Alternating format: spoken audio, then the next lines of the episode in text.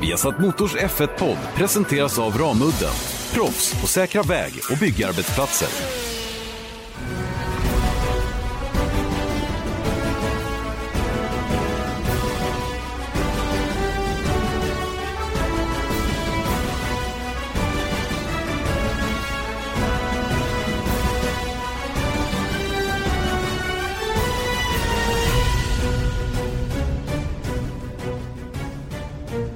Ny vecka, ny Formel 1-podd. Janne Blomqvist, Erik Stenborg, vi har satt Motors Formel 1-podd alltså och eh, den här veckan är det racevecka igen. Det är eh, Tysklands Grand Prix men det är också eh, nytt Indycar-lopp eh, kommande helger. Så det finns mycket att, att se fram emot även denna vecka. Vi är inne i en väldigt intensiv period nu då. Det här är ju Eh, de sista två racen innan, innan Formel 1 kör eh, sitt sommaruppehåll. Så det är Tyskland den här veckan och Ungerns Grand Prix nästa vecka. Eh, vi kommer naturligtvis titta närmare då på Tysklands Grand Prix, vad det här kommer att ha för påverkan på, på racingen. Det kommer att bli oerhört varmt bland annat. Ni kommer att få en liten preview också inför Tysklands Grand Prix med hjälp av Alfa Romeo Racing. Vi kommer att prata Rich Energy, vi kommer att prata Le Mans och Hypercars. Hur har det koppling med Formel 1? På vilket sätt har det koppling med Formel 1? Hur går det för Daniel Daniel Ricciardo som har blivit stämd på 100 miljoner av sin tidigare rådgivare. Jeremy Clarkson, tidigare Top Gear och numera vad heter det? Det vet jag inte ens vad programmet heter. Han har varit väldigt arg på Formel 1 och kommer med en massa eh, mindre kloka lösningar för det. Och sen så pratar vi givetvis också lite Indycar-racet som var och racet som kommer. Eh, Erik Stenborg som har en, eh, en bandsåg i halsen idag men du eh, stretar emot och är med i alla fall. Absolut, det här får man bara inte missa. Exakt. Nu. Det finns inget utrymme för att vara sjuk i våran bransch. Nej, det gör faktiskt inte det. Frilansare och eh, Formel 1 stannar aldrig ändå. Tyvärr inte.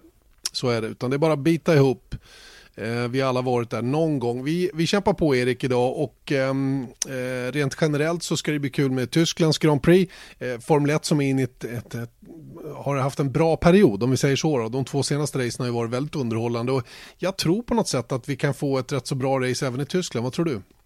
Ja, alltså om man tittar på förra året, då var det lite andra omständigheter än vad vi tror kommer komma just den här helgen. Men då var det ett jättebra race och det var ju den här spännande situationen, ja egentligen så var det ganska jobbigt race för att det var ju då Sebastian Vettel snurrade av i låg fart i regnet och eh, fick bryta.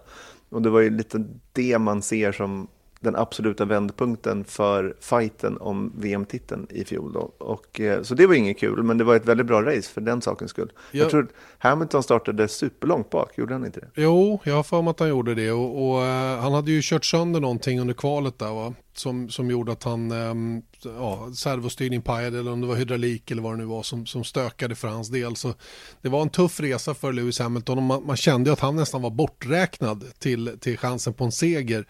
Eh, när då Fettel gled av upp i saxkurvan då när det hade kommit en liten regnskur på slutet. Jag minns Charles Leclerc gjorde en snygg 360 ut ur första kurvan också. Eh, och Marcus Eriksson gick i mål då på nionde plats och, och tog poäng. Eh, mycket, mycket intressant lopp på alla de sätt och vis var det verkligen. Och eh, jag tror faktiskt att vi har något liknande rent vädermässigt på gång den här helgen. Eh, med, eh, med eh, oerhört varmt väder. Eh, Björn Wirdheim skrev till mig, herregud det ska bli 39 grader på torsdag skrev han. Mm. Och det är ju eh, det är tufft. 39, 38, 37, whatever. Det är oerhört höga temperaturer i vilket fall som helst. Och det är framförallt under torsdag och fredag. Sen lindras den här hettan lite grann under lördag och söndag. Men, men jag tror att det här med åskskurar och sånt, det är definitivt en risk även den här helgen. Ja, det är ju det som så det blir liksom när det är väldigt mycket värme i luften. Nu blir jag helt plötsligt meteorolog. Det finns ju en meteorolog som heter Stenborg efter, i efternamn. Ja, och vet du vad? Vi har nästan bott grannar. Vi gick i skolan på samma ställe. Six degrees of separations, för här var det inte alls mycket. Men, men om man tittar på vad som hände i Iowa, när det var Indycar där i, i helgen, eh, då var det ju också 40 grader varmt och sen så regnade det en hel del också. Men, eh, en hel och, del säger du? Jag skulle vilja påstå att det var mer än en hel del. ja, okej. Okay. Jag håller väl med om den saken då. Ja. Men, men, hur som helst, jag tror att det här kan bli väldigt spännande väder och då pratar vi inte bara om ifall att det kommer regn under racet, utan värmen i sig påverkar ju Formel 1 ganska positivt måste jag säga om vi tittar tillbaka till exempel på Österrike. Just det, och det frågetecknet som dyker upp är ju naturligtvis Mercedes då som, som medgav att det är den svaghet de har på årets koncept. De har byggt bilen med för tajta för tajt kylning helt enkelt och för små kylare. Eh, vilket betyder då att de får problem när vi har den här typen av race då, med temperaturer på dryga 30 grader eller runt 30 grader. Eh, banans längd på Hockenheim motsvarar också den som vi hade på, på eh, Red Bull Ring. Jag tror Red Bull Ring är nästan snabbare än vad den här är. Nu har man visserligen långa parabolikan upp mot Spitzkehre där där eh, man kan få ner temperaturen lite grann i alla fall. Men vi hörde ju då Mercedes säga att de 10% av varvet tvingades köra lift and coast, vilket naturligtvis påverkar bilens prestanda enormt. Och eh, jag tror att de eh, har jobbat hårt på att försöka lösa det här problemet på något sätt. Va? Men de kan inte öppna upp så mycket mer av karossen och det har inte gått så lång tid från, från Österrike till nu eh, i period för att lösa just det problemet. Så jag tror definitivt att det kommer att bli en faktor även den här helgen. Eh, Ferrarin ligger bättre till i det avseendet. De hade ju ett sånt race i början på året och i Australien men har ju fått bättre ordning på det där eh, rent generellt.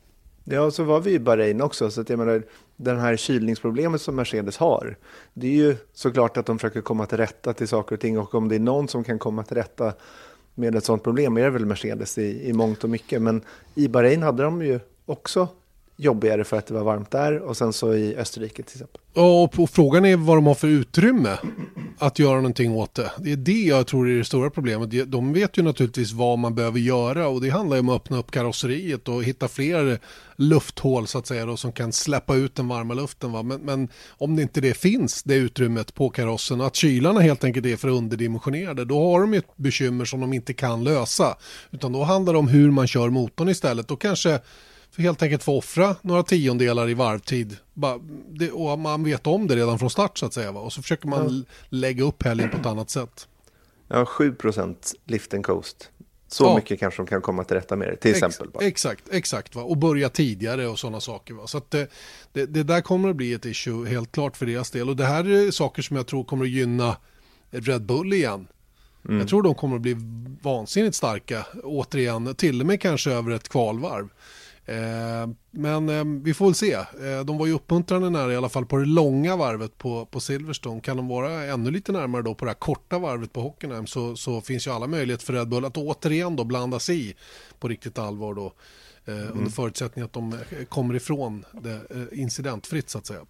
Mm, och det finns ju en, en rubrik på autosport.com om man vill titta på den, då står det Red Bull has extra confidence for German Grand Prix. Och det är lite det att de har ju faktiskt varit närmare Mercedes, alltså det är inte alls, ja men bort, även bortsett ifrån eh, från Österrike så har ju Red Bull varit otroligt nära Ferrari nu. Så att, jag menar, tajtas allting ihop på grund av att, att Mercedes inte riktigt har sin absoluta topp, då kan det bli en bra fight. Visst kan det bli det.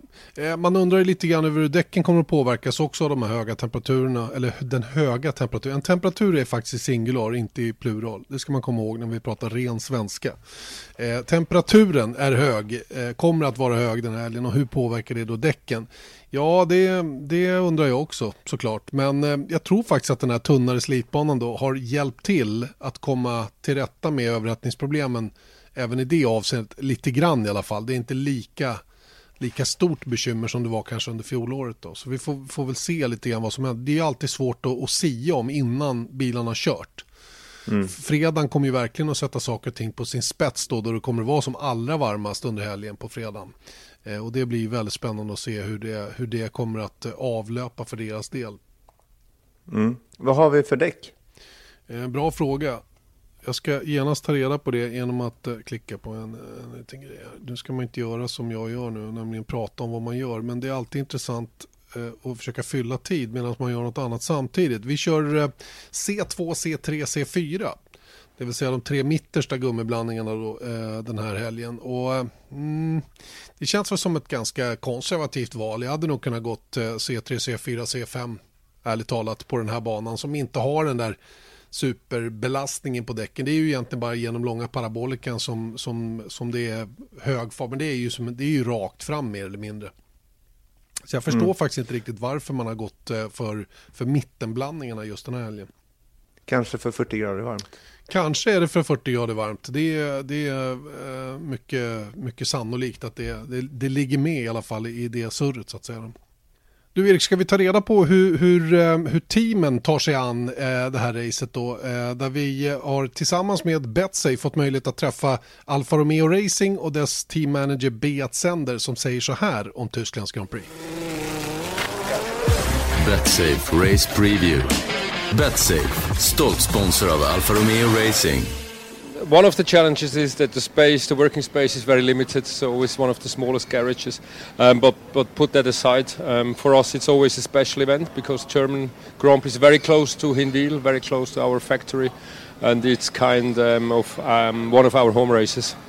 Uh, what can you say about the track itself and, and the challenges that brings for the car and all that? Um, the track itself is quite interesting because you've got um, obviously the the infield, the very famous one um, with the Sox corners. Then you've got um, Parabolica, um, good op- um, overtaking opportunity, and so you, you, need a good car, especially on braking. You need a good car on on um, downforce level. Um, but then the other thing is weather is, is quite often unpredictable because it's it's summer, it's it's July, could have some some thunderstorms, downpours. And we also know that it can be really, really hot, and that's another challenge for the car and for the tires. Um, yes, but this year I have to say we're very well um, managing our our temperatures um, in all respect. Um, we've seen it in the last race in in Austria that um, the all our exits, um, air exits, are are very still very small compared to. Competitors, and I think we're we're doing a very good job there. And the tires, many people have complained about the tires this year. How do you see that situation with the with the thinner thread? It's you, know, you know sometimes you gain, sometimes you lose. It's it's very difficult to say. I think um, it's a little bit over the top the complaints, and and it's quite obvious that.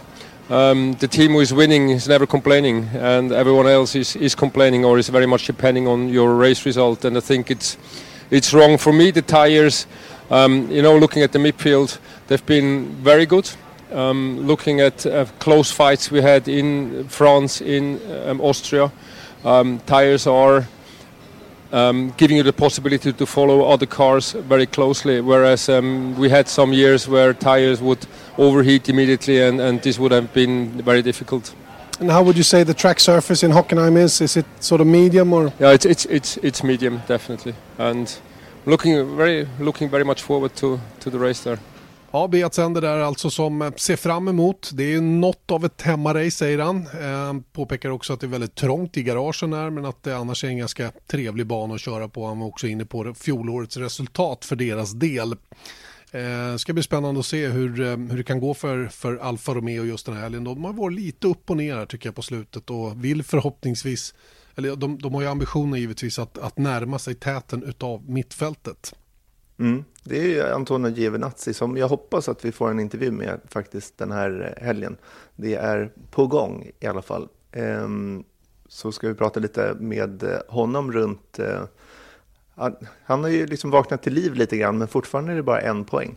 Ja, och frågan är hur han har vaknat till liv. Han är snabb på lördagarna men inte så snabb på söndagarna. Va? Och det, det där är ju problemet för det är på söndagarna man tar poäng och det är ju där man behöver liksom ta i lite grann extra. Det är fortfarande Kim Räikkönen som får resultaten på något sätt. Va? Så jag, jag, vet inte vad det är som saknas honom så att säga då på söndagarna. Nej, men jag roade mig lite här då med Betsafe som vår eh, samarbetspartner. Att de, apropå det vi precis pratade om då med Mercedes, att de kan ha det lite jobbigare den här helgen. Det tror inte oddsen. Det är alltså 1,57 gånger pengarna för Hamilton, 3,75 för pengarna för eh, Valtteri Bottas. Men sen har vi Claire, Verstappen och Vettel, alla 11 gånger pengarna. Mm. Det, det, kan man ju snacka om att det är en total sågning av allting annat än, än Mercedes. Ja, det får man ändå säga. Och Pierre Gasly 151 gånger pengarna. Jag menar, han mm. har ju mm. vaknat till lite här på slutet. Nu är det ju fortfarande osannolikt att han ska vinna, va? men det är ju helt uppenbart att den som sätter de här oddsen inte riktigt har koll på Mercedes svaghet i alla fall. Så här finns det chans kanske att tjäna lite pengar om man är av spelande typ. Eh, ja. Vilket jag inte kan påstå att jag är överhuvudtaget. Sen är det en annan grej som man kan göra här. Det är ju nämligen att Eh, titta på vem som vinner och med hur många tusendels sekunder som vinstmarginalen blir. Det är ju lite mm. intrigerande. Mm. faktiskt. Att sitta och gissa på sådana grejer. Mm, Det finns en hel del sådana där grejer. Men kom ihåg att det är 18 års gräns för spel och spela ansvarsfullt om ni väljer att göra det. Ska vi gå vidare, Janne Ja. Blomqvist? Det tycker jag absolut att vi ska. Vi ska gå vidare i vårt, ehm, i, i vårt lilla snack då i veckans Formel 1-podd. Rich Energy. Eh, f- historien fortsätter, eller storyn fortsätter. Jag vet inte vad man ska kalla det. En, Story eh, fortsätter inte. nej.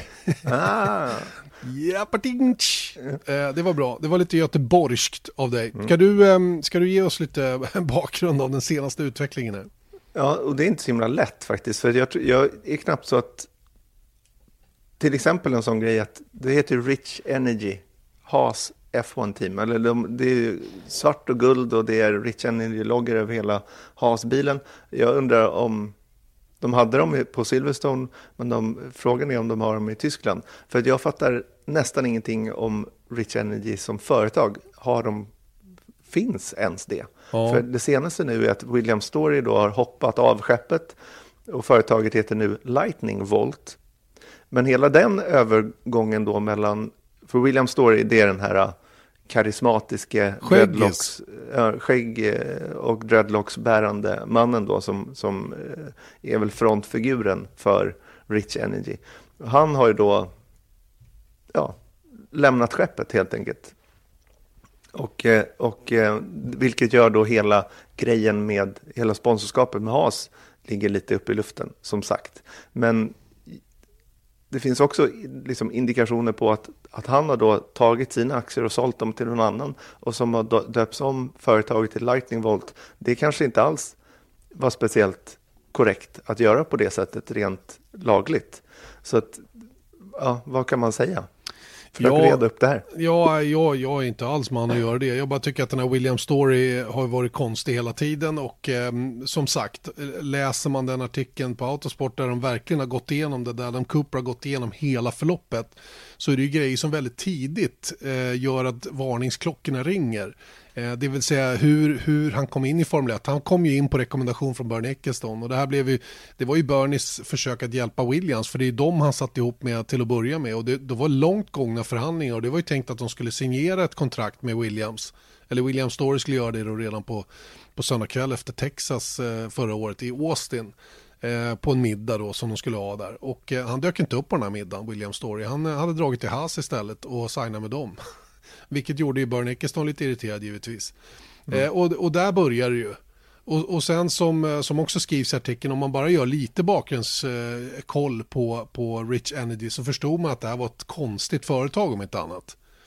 Och, och, men i med, och i och med att det gick så fort för Haas att skriva på så undrar jag om de gjorde vederbörlig research eller om de bara tog referenser från några av namnen som finns bakom.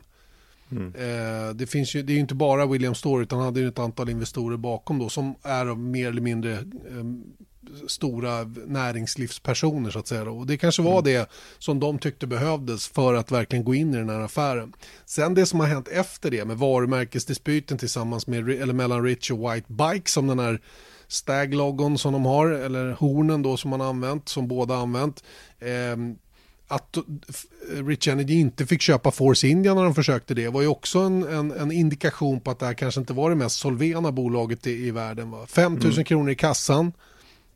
Och jag menar den dealen som de gjorde med Haas, 14 miljoner pund 2019, 15 2020. Det är stora pengar som ska fram och eh, de fick väldigt mycket exponering på bilen eh, i utbyte så att säga. Och, och frågan är ju liksom, har det kommit några pengar? Kommer det några pengar? Vad händer? Det, det finns massor med frågetecken fortfarande kvar runt den här affären. Och som sagt, William Story har ju nu krypit ur allting när han har hamnat i en knepig situation. Han har ju uppenbarligen inte pengar ens att betala White Bikes för, för deras rättegångskostnader.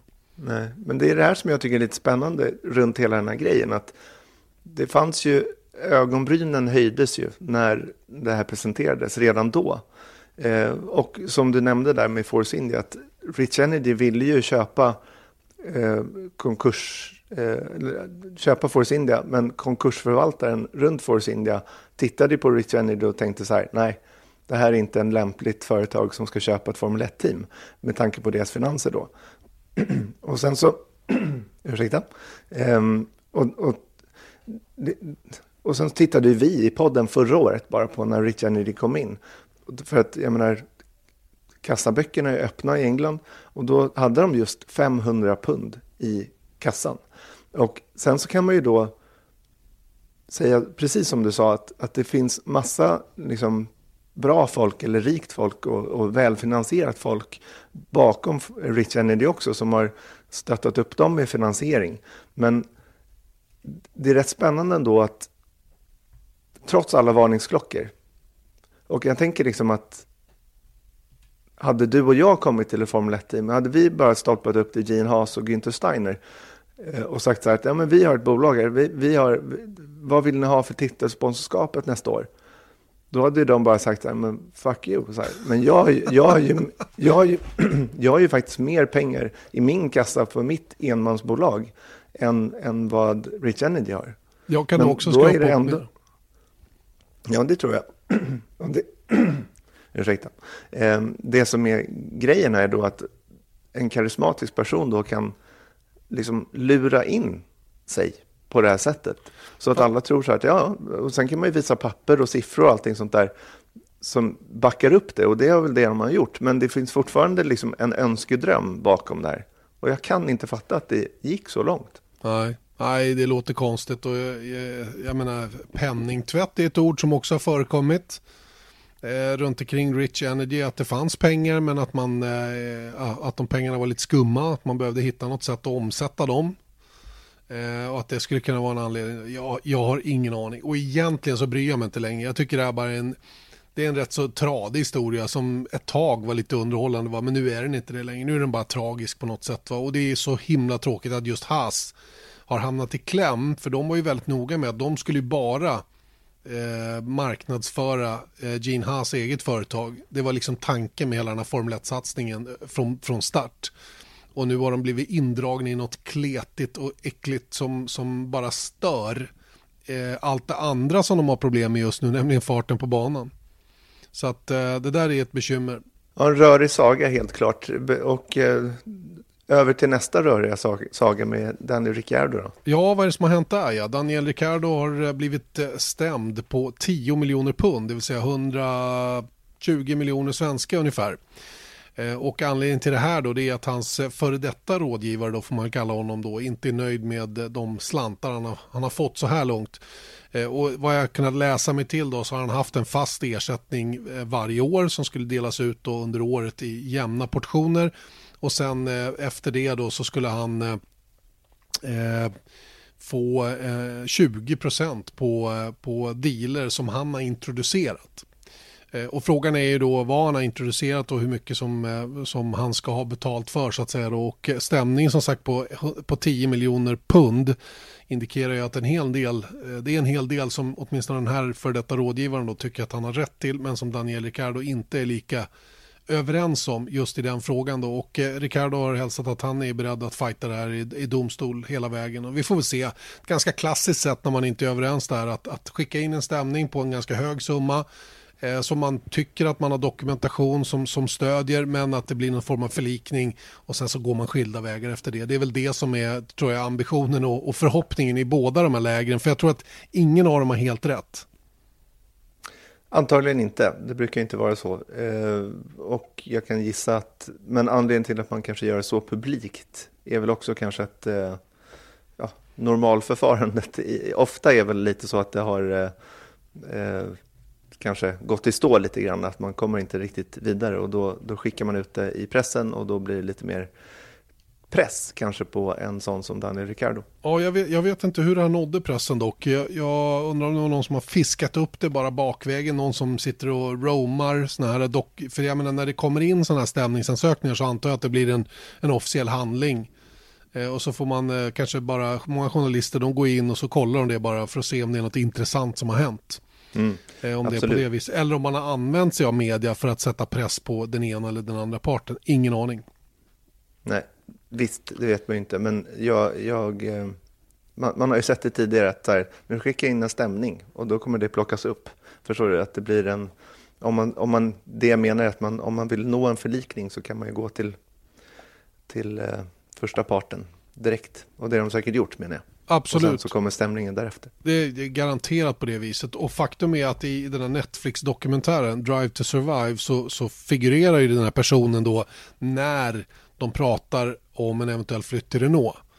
Mm. Så, så att det är helt uppenbart att den har varit med i ett skede. Men frågan är ju hur mycket och om det, om det ska vara, om, om det, det arbetet som är gjort är tillräckligt för att få 20 eh, procent.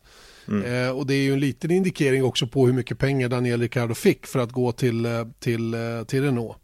Eh, mm. jag, jag har väl hört någon siffra från ganska säkert håll. Va? Men, men, men att det skulle motsvara att, att 10 miljoner pund skulle motsvara 20 procent av den summan. Mm. Det, det, känns lite mycket kanske. Mm. Det, den siffran jag har hört, eller om man bortser från att nämna siffran, så är det ju att han ska få tre gånger så mycket av Renault som hos Red Bull. Jaha, ja det är mer än vad jag har hört. Men, men mm. eh, visst, det kan säkert stämma. Och då har han ju fått väldigt bra betalt, måste jag säga. Mm. Och gjort ett bra mm. jobb också, så här långt. Mm. Äh, ja, det där kommer att lösa sig, jag är helt övertygad om det. Va? Och jag, jag, är också övertygad om att det är just som jag beskrev det, att de här parterna, de, Ricardo vill bli av med den här rådgivaren och rådgivaren vet det. Eh, vet också att han har rätt till en viss ersättning eh, och eh, nu gäller det bara att komma överens om hur stor den här ersättningen ska bli. Eh, för att få fart på, på diskussionen så, så, så tar man det här förfarandet på något sätt. Va? Och det, det, det, kommer säkerligen att komma fram till någon summa pengar som ska gå från Ricardo till den här personen och sen går man skilda vägar och pratar aldrig mer med varandra. Kanske. Mm, mm. Daniel Ricciardo var ju teamkompis med Max Verstappen. Men vet du vem som är Max Verstappens teamkompis? Jag vet ju det, för att jag har blivit påmind om det utav ett antal personer att han är teamkamrat med Landon Norris. Ja, eller hur? Visst är det roligt? Det är vrålhäftigt egentligen eh, att eh, de är teamkamrater då inom iRacing, det vill säga simulatorracing. Eh, och eh, mm. att de kan jobba över teamgränserna på det viset. För Formel 1 har ju normalt sett varit väldigt vattentätt när det gäller vad man får göra och inte göra över gränser och så vidare. Men de här ungtupparna, de bryr sig inte om det. Jag tycker det är lite, det är lite kul faktiskt. Ja, de körde alltså, var det 12 timmars på, eller var det 24 timmars på, på spa va? Mm. i iRacing med en Audi. Just det. det också var lite kul. Ja. Um, men då har de blivit invärvade då av ett sånt här uh, vad, vad kallar det? Inte tv-spel, det får man ju inte säga. Eh, simulator racing eh, team. Ja. Och då har de kört eh, ihop och eh, de vann hela skiten. De gjorde det, trots en trasig bromspedal på slutet. För mm. Max Verstappen om jag förstod det hela rätt. Jag såg något klipp där som rullade och de svor och de levde rövare där och de hade jättekul tillsammans. Men, men det där är väl det är den nya, den nya tiden på något sätt. Mm. E-racingen som växer enormt eh, och som är väldigt, väldigt populär och är ju ett fantastiskt mycket billigare sätt att ändå få köra på väldigt hög nivå. För de som tävlar i de här mästerskapen, de är sjukt skickliga på det. Mm. Där går inte vem som helst in och leker och det är väl det som är lite roligt tycker jag att sådana som Lennon Norris, Max Verstappen med flera eh, figurerar där och, och faktiskt drar nytta av det lite grann tror jag också eh, i sitt vanliga yrke så att säga. Det är ju inte alla som är duktiga att köra e-sport som dessutom blir duktiga att köra bil i verkligheten men det tangerar ju varandra onekligen och, och eh, med tanke på allt simulatorarbete som görs också då, vilket är mycket mer avancerade maskiner men det, det påminner ju om varandra trots allt.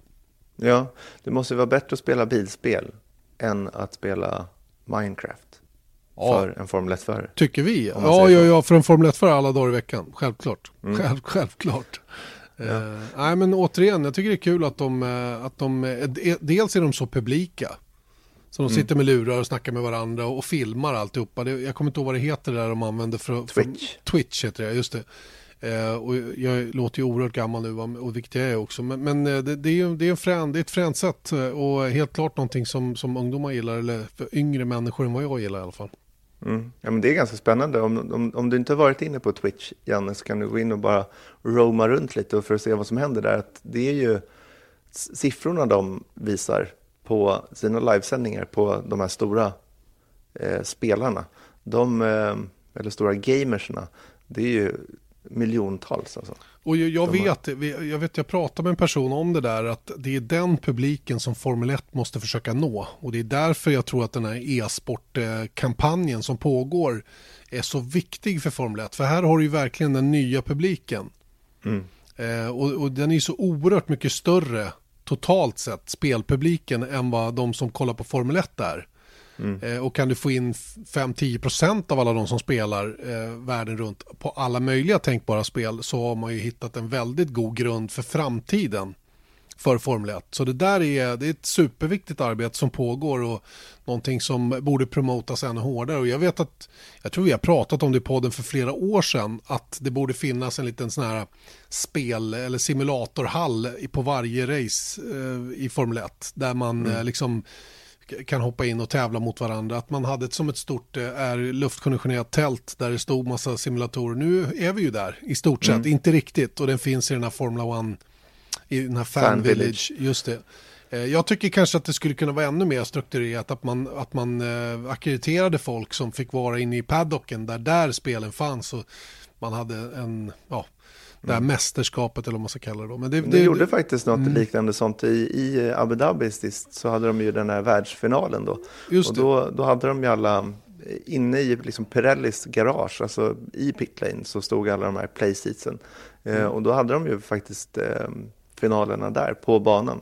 Så att, eh, men jag tycker att de jobbar bra. Sen så tror jag inte att kanske du och jag kanske inte är liksom främsta målgruppen där, men jag tror att folk som hänger med bättre än vad vi gör i gaming, de har koll på det här. Ja, Eller börjar få koll på det. Exakt, mm. exakt. Jag tycker det är en briljant idé att hålla på med. Men som sagt, återigen, jag, jag är kanske inte personen att promota det. Jag vet ju knappt vad jag pratar om i det här avseendet. Så att, men, men eh, det kommer ju, det kommer ju andra som klarar det bättre. Va? Så det, mm. jag, jag tror stenhårt på det här och det är en väldigt, väldigt viktig del av Formel 1 framtid. Det, det kommer jag tillbaka till. Mm. Sen, sen, är det en annan kul grej med det här med 24 timmars racing. Va? För att Verstappen i synnerhet har ju varit uh, på tapeten när det gäller en, en kommande Le Mans-satsning från Aston Martin. Mm. Aston Martin heter, ja, det heter Aston Martin Red Bull Racing eh, och då kommer ett nytt reglemente till, till eh, VEC, alltså World Endurance Championship, till, ja det är ju nästa höst då, för nu ja. har ju nu är de ju klara med VEC för i år och sen så sätter de igång igen i september tror jag. Ja, det väl börjar väl nu tror jag, gör det inte det? Gör det? Det kanske ja, gör. Ja, jag får Vad bra koll. Vi, vi, har ju inte koll på någonting den här, den här uh, avsnittet överlag. Men det kommer börja snart i alla fall.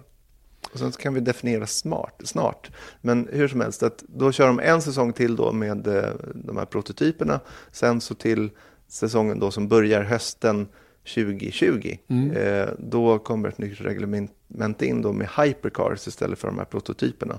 Eh, och där är ju de som kanske är mest liksom, fram, i framkant där just nu, i alla fall att de ska hoppa på det här eh, väckmästerskapet är ju eh, Aston Martin med sin Valkyrie, eller Vulcan kanske den heter, eh, beroende på vilken modell de de, de väljer. Och då finns det helt plötsligt en väldigt tydlig koppling mellan Formel 1 och VEC och Le Mans framför allt. Ja, visst är det så. Jag tycker det, det, det, det smakar gott i munnen att höra något sånt. Att, att, att sånt här är på tapeten så att säga. Va? Och tänk, tänk om vi kunde få en, en, en sån period igen när fler Formel 1-förare kunde dubblera. Och att det fanns mm. fler märken som kunde hoppa in eh, som kunde hoppa in som hade connection med Formel 1. Jag menar om, om man bygger hypercar-bilar så borde inte Ferrari vara långt borta från att kunna hoppa på heller.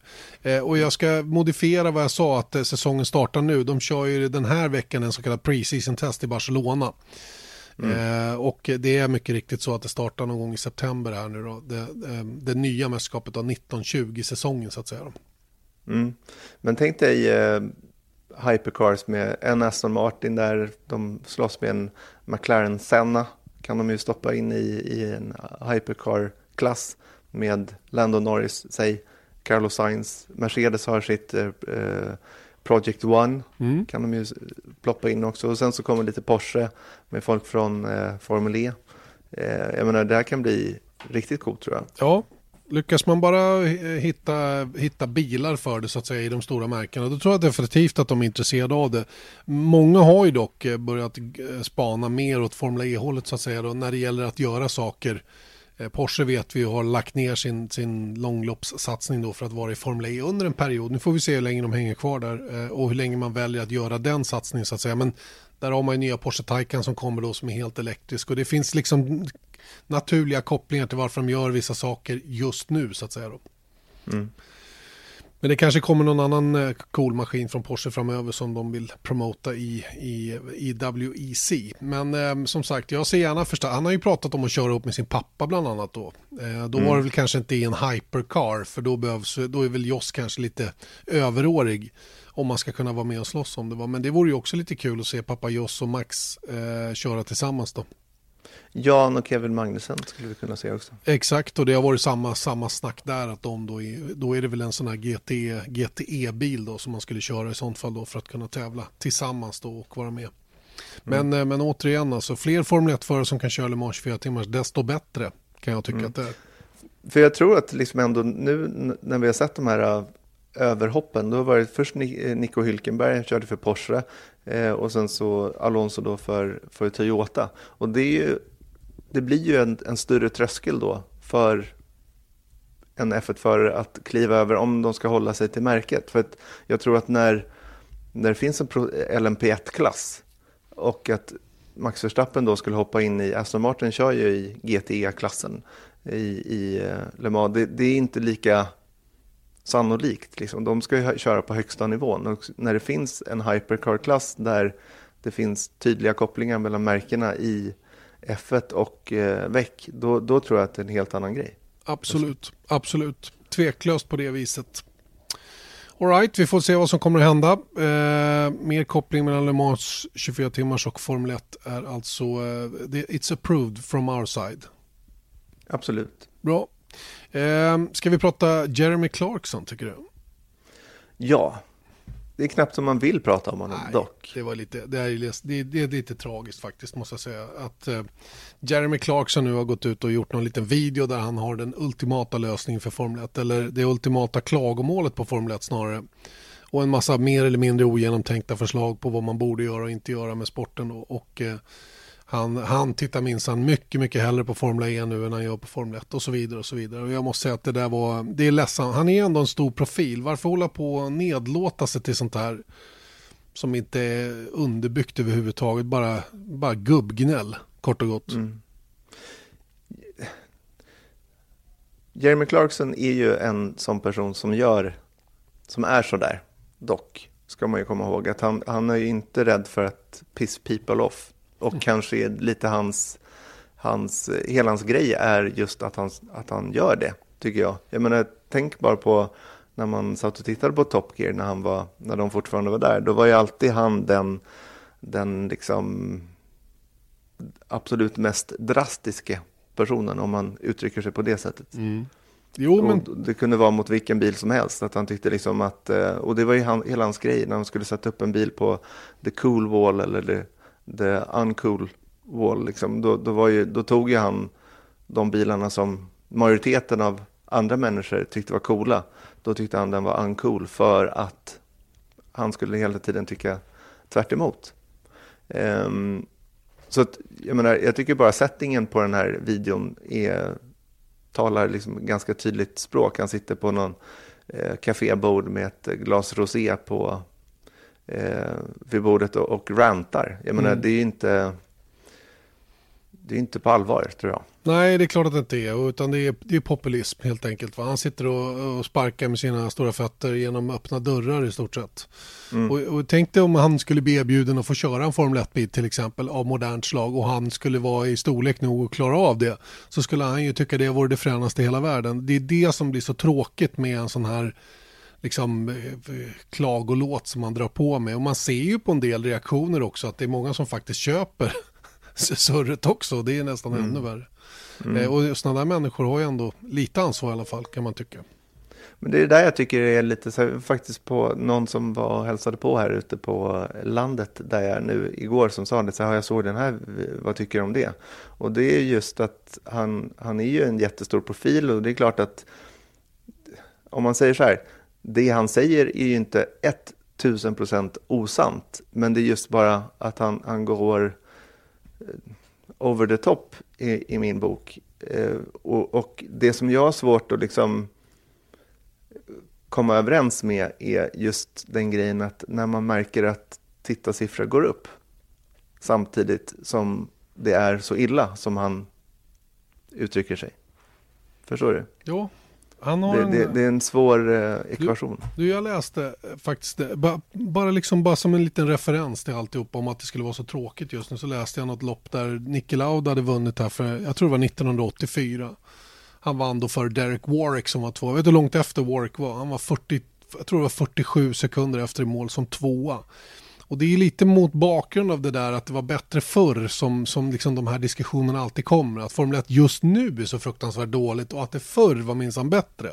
Mm. Och det är det där som blir så snett för att då, minnet är för kort helt enkelt. Va? Och det, men, men det är en annan diskussion. Jag vill mera mm. prata om att eh, Jeremy Clarkson eh, ger sig ut på tunn is här och sitter och gafflar bara på, på som du säger då, en restaurang med ögonbryn som är stora som mitt ogräs ute här och, och lite rosévin på bordet och ser allmänt sjaskig ut när han liksom ska vara lite cool och tycka om någonting som väldigt många älskar och, och följer varje, varje vecka.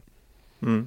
Ja men så är det ju också. Men apropå det där, den andra diskussionen som du som, som du pratade om. Så den 21 juli 2002, vet du vad som hände då? Mm, ja, Michael Schumacher vann Formel 1-VM i Frankrike. Ja, race 11 av 17 det året. Just så det. det är också en eh, nu, nu i och för sig procentuellt sett så är väl Hamilton på god väg. Ja, ja. Eh, men, men eh, ändå, jag menar det, minnet är kort. Ja, visst är det det. Va? Och, och, och så. Va? Och man får tycka vad man vill. Man får ha, vilka, man får ha vilken känsla och, och, och sådana saker. Va? Och jag vet att många, många kommer att opponera sig mot det här, den här diskussionen till exempel. Va? Men, och jag har inga synpunkter på om någon annan tycker något annat. Va? Bara man ska, man, man man måste, ha, man måste vara medveten om hur det faktiskt såg ut förut också. Sen kanske man tycker att det var coolare med V10 som var mer överlägsna än de andra bilarna än med V6 hybridmotorer. Men det är en annan grej så att säga. Va? Det, för den skulle vara inte racingen bättre. Mm.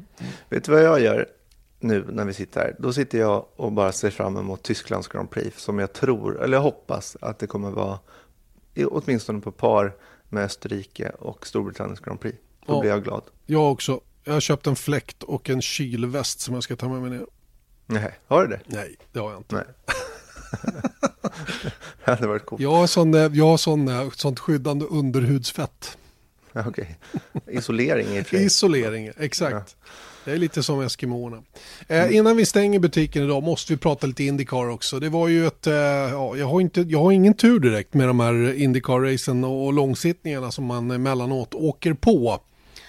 Satt ju någon sån här maratonsändning då i, i kvalet till Indy 500 till exempel. Då var det regnet och, och, nu i söndags så var det ju, eller i lördags, natten mellan lördag och söndag vilket det var. Det var ju definitivt söndag när racet gick. Eh, men jag var på jobbet kvart över elva lördag kväll och det kom igång 05.50 cirka. Själva mm. racet då. Och eh, vi pratar förstås om Iowa 300 då, det, det kortovalen, världens snabbaste kortoval som man kallar den då, med snittfarter på någonstans 280 km i timmen. Imponerande snabbt på den här lilla banan och jag eh, tyckte också att det blev ett väldigt, väldigt spännande race. Och jag vet också att du har helt vänt i form av vad du tänkte och tyckte om ovalracing innan det här året och nu har du, nu är du eh en av oval, ovalracingens största supporters i Sverige. Det vet jag inte om jag kanske skulle hålla med om, men, men helt klart har jag svängt i min uppfattning. Jag var otroligt skeptisk till ovalracing. Jag har alltid varit skeptisk till ovalracingen tidigare.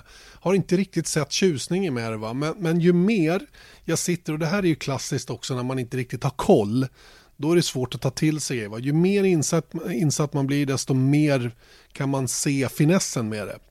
Eh, mm. Och det är ju, det är ju som, det är klassiskt sådana som till exempel kollar Formel 1 och inte sätter sig in i det. Va? De har svårt att ta det liksom till sig för det blir bara bilar som åker runt. runt. Och lite den känslan hade jag också innan. Va? Men nu när man ser, dels har förstått mycket mer av vad svårt det är och vad, vad det är mm. som avgör om man är snabb eller inte. Eh, eh, tävlingsformen som sådan då med de här höga farterna, hur man ser förarna, hur man hör Joseph Newgarden komma ur bilen och säga att jag är lite yr. Jag är lite yr, mm. men det går över om en stund. Va? Jag hörde Marcus Eriksson efter Texas säga att det tog en halvtimme innan han kunde ställa sig upp. Fattar ni vilka krafter de är utsatta för under så lång tid? Och hur på mm. spänn du måste vara hela tiden och alltihopa det där. Va? Jag, jag, jag fascineras av tävlingsformen. Det är klart att den, den också har sina grejer sådär som man kanske inte tycker lika bra om. Va? Men, men jag har verkligen svängt i det här avseendet och ser fram emot ovalracen nu på ett helt annat sätt än jag gjorde inför säsongen. Eh, och de här bilarna är ju som perfekta för den här typen av racing. De är ju byggda för det. Det är ju därför de är så stora och stabila och, och rigida så att säga. Det är ju för att de ska klara eventuella krascher på en oval. Mm. De blir ju lite otympliga då på annan bana istället då. Jag var inte imponerad av Toronto till exempel med det här ojämna underlaget. Jag tycker det är tråkigt att se Formel 1, Formel 1-bilar, stora formelbilar köra på en bana som är mer anpassad för rallycross. Även om förarna tycker det är kul att köra där. Så att oval, ovalbanorna de är ju som skapta för, eller bilen är som skapt för ovalbanor. Eh, det är nog där den kommer till sin största rätt skulle jag säga också. Mm. Och jag tycker det var kul att se just Iowa när det var det går fort men det går inte sådär 400 km i timmen fort vilket jag tycker är lite läbbigt. Men här går ju... Här, här var det verkligen racing hela tiden och man körde två i bredd i Exakt. stora delar av loppet. Exakt, va? det var två filer och det är inte, så här, det är inte livshotande snabbt. Om du förstår vad jag menar. Nej, om man inte har lite otur. Där ja, också. självklart. Ja. Men, men du förstår vad jag menar. Alltså, ja, ja, men precis så jag menar ja, också. Ja, och det, jag tycker det är cool. Och våra svenskar hade lite olika, eh, ska vi säga, flyt i racet. Eh, Rosenqvist fortsätter att ha kanske inte jättekomfortabel på valet fortsatt va? Och, och, definitivt hade Chip Ganassi inte hjälpt till med att ge honom en bra bil heller den här helgen. Eh, hamnade på bakfoten tidigt och var inblandad i en incident med Sage Karam som tappade bakänden och Felix körde rakt in i den bilen och hamnade ju där direkt efter alla andra så att säga då. Eh, Marcus Eriksson däremot körde ju väldigt bra, startade ju lite högre upp och låg eh, i stort sett hela tiden runt åttonde plats. Sen började han att tappa lite grann eh, genom racet. Eh, en trend som kändes lite oroande då där vid varje depåstopp så försvann det några positioner. Va? Men, men sen visade det sig ändå på slutet så när han kom in för sitt sista depåstopp då, då hade de ju gjort det helt rätt kändes det som för att de kom ut på ett ställe i racet där Många var på lite äldre däck, han kom ut på nya och kunde ta många positioner eh, efter sitt sista depåstopp. Och, och ehm, Problemet var bara att när han skulle gå in för det sista depåstoppet så la han höger hjulpar lite grann utanför den gula linjen då som markerar var man får åka när man är på väg in i depån. Och eh, med anledning av det fick han ett stop and go-straff. Fick komma in en gång till, halkade ner till 16 eller 17 plats. Kör sen återigen upp sig till en elfte i mål. Eh, och kör om bilar på samma strategi, det vill säga med lika nya och fräscha däck. Så det var ingen skillnad i det avseendet. Han var helt klart väldigt, väldigt snabb. Och eh, en, en pallplats fanns på bordet om man hade struntat i att göra det där lilla misstaget. Och det är väl lite grann det här nu med Marcus, att nu måste de här inom citat små misstagen sluta, tror jag. Mm. Eh, det, det, det, är liksom på tiden nu. Eh, nu hade vi ett, ett, ett ett misstag i Toronto under kvalet där han slog i muren på svarta däck i kvalet. Det är inte där man ska sätta bilen i muren. Okej på röda när man satsar verkligen för en bra startposition. Men på de svarta som är bankerdäck, då mm. får man inte göra den typen av grejer. Det råkade han gilla ut för i racet då med start långt bak och, och, och, nu den här gången den här grejen. Och på Indy 500 då, den här sena inbromsningen när han ställer sig på tvären där inne.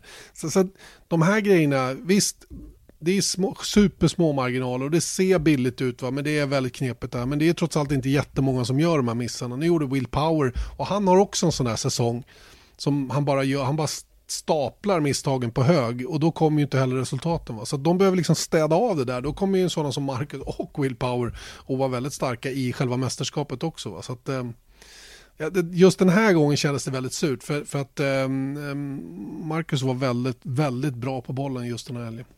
Mm. Och nu får eh, en, den sista av den här trippelheadern som kommer i helgen då, då är det på Mid-Ohio Sports Car Course, 3,6 eh, kilometer lång utanför Lexington, Ohio. Eh, vad tror vi om den? Det är ju en, ehm, en, en road course igen nu då, en, en vanlig bana så att säga. Då. Och eh, jag tror ju att Rosenqvist kommer att vara snabb igen. Han har ju varit det rakt igenom hela den här säsongen. Det är, han är snabb upp på pace liksom och han är snabbt på gränsen av vad bilen klarar. Han har hjälp av teamet som ger honom ett bra verktyg i form av en, en välinställd bil. Så att eh, jag, jag eh, tar för givet nästan att han kommer att vara med där framme. Det där är hans bakgård så att säga, just den här typen av banor. Ehm, vi vet att han har varit snabb på den typen av banor tidigare. Marcus hoppas jag kan eh, ta steg igen när det gäller kval. Eh, senast de körde på en sån här eh, på Elkhart Lake då kom det en liten bom vid fel tillfälle återigen. Eh, den här gången vill jag se en, en 100% insats. En hund, där är allting i 100% eller i alla fall misstagsfritt. För då kommer nämligen resultatet också per automatik. Men det där är ju också mentalt. Hur ska man köra då för att inte göra misstag? Ja, då kanske man backar av lite för mycket och är långt efter av den anledningen. Va? Så att, och det är den här gränsen som är så svår att hitta. Där du ligger precis på, men inte över. Det, det, där är ingen lätt uppgift att hitta rätt. Och när man är ute och famlar lite grann i det där gränslandet, va, då, då har man det lite kämpigt, vilket jag eh, upplever att Marcus har emellanåt. Mm. Ja, men det är ju kvalet som, men, eh, som man måste ordna, ordna till det. För mm. det är just det där i Toronto, liksom, där, då, det, det var inte hans förskyllan att, att, att han till slut fick bryta där, men det är ju indirekt lite så eftersom eh, eh, är man så långt bak som en större... Risken, risken ökar ju när man startar långt bak att bli indragen i, i skitgrejer och när han väl kom ut igen var han ju snabbast på banan. Snabbaste mm. varv och han eh, åkte ifrån. Han, låg i han kom ut framför Persson som vann racet och han körde ifrån Persson i stort sett mm. hela tiden. Det är mm. inte riktigt jämförbart eftersom de, Marcus behövde kanske inte ta hänsyn till bensin och strategi på samma sätt. Va? Men, men det indikerar ändå att han kunde åka väldigt, väldigt fort. Eh, och hade förmodligen, om han hade kommit iväg där i starten, ändå varit hyfsat bra med. Mm. Men i alla fall, det blir en jättetoppen eh, eh racinghelg med både Tysklands Grand Prix och eh, Indycar från Mid-Ohio.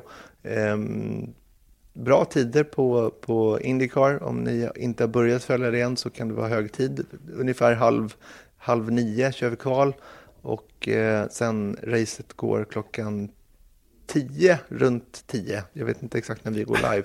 Men, men, eh, de vet knappt vi, själva när de går live där.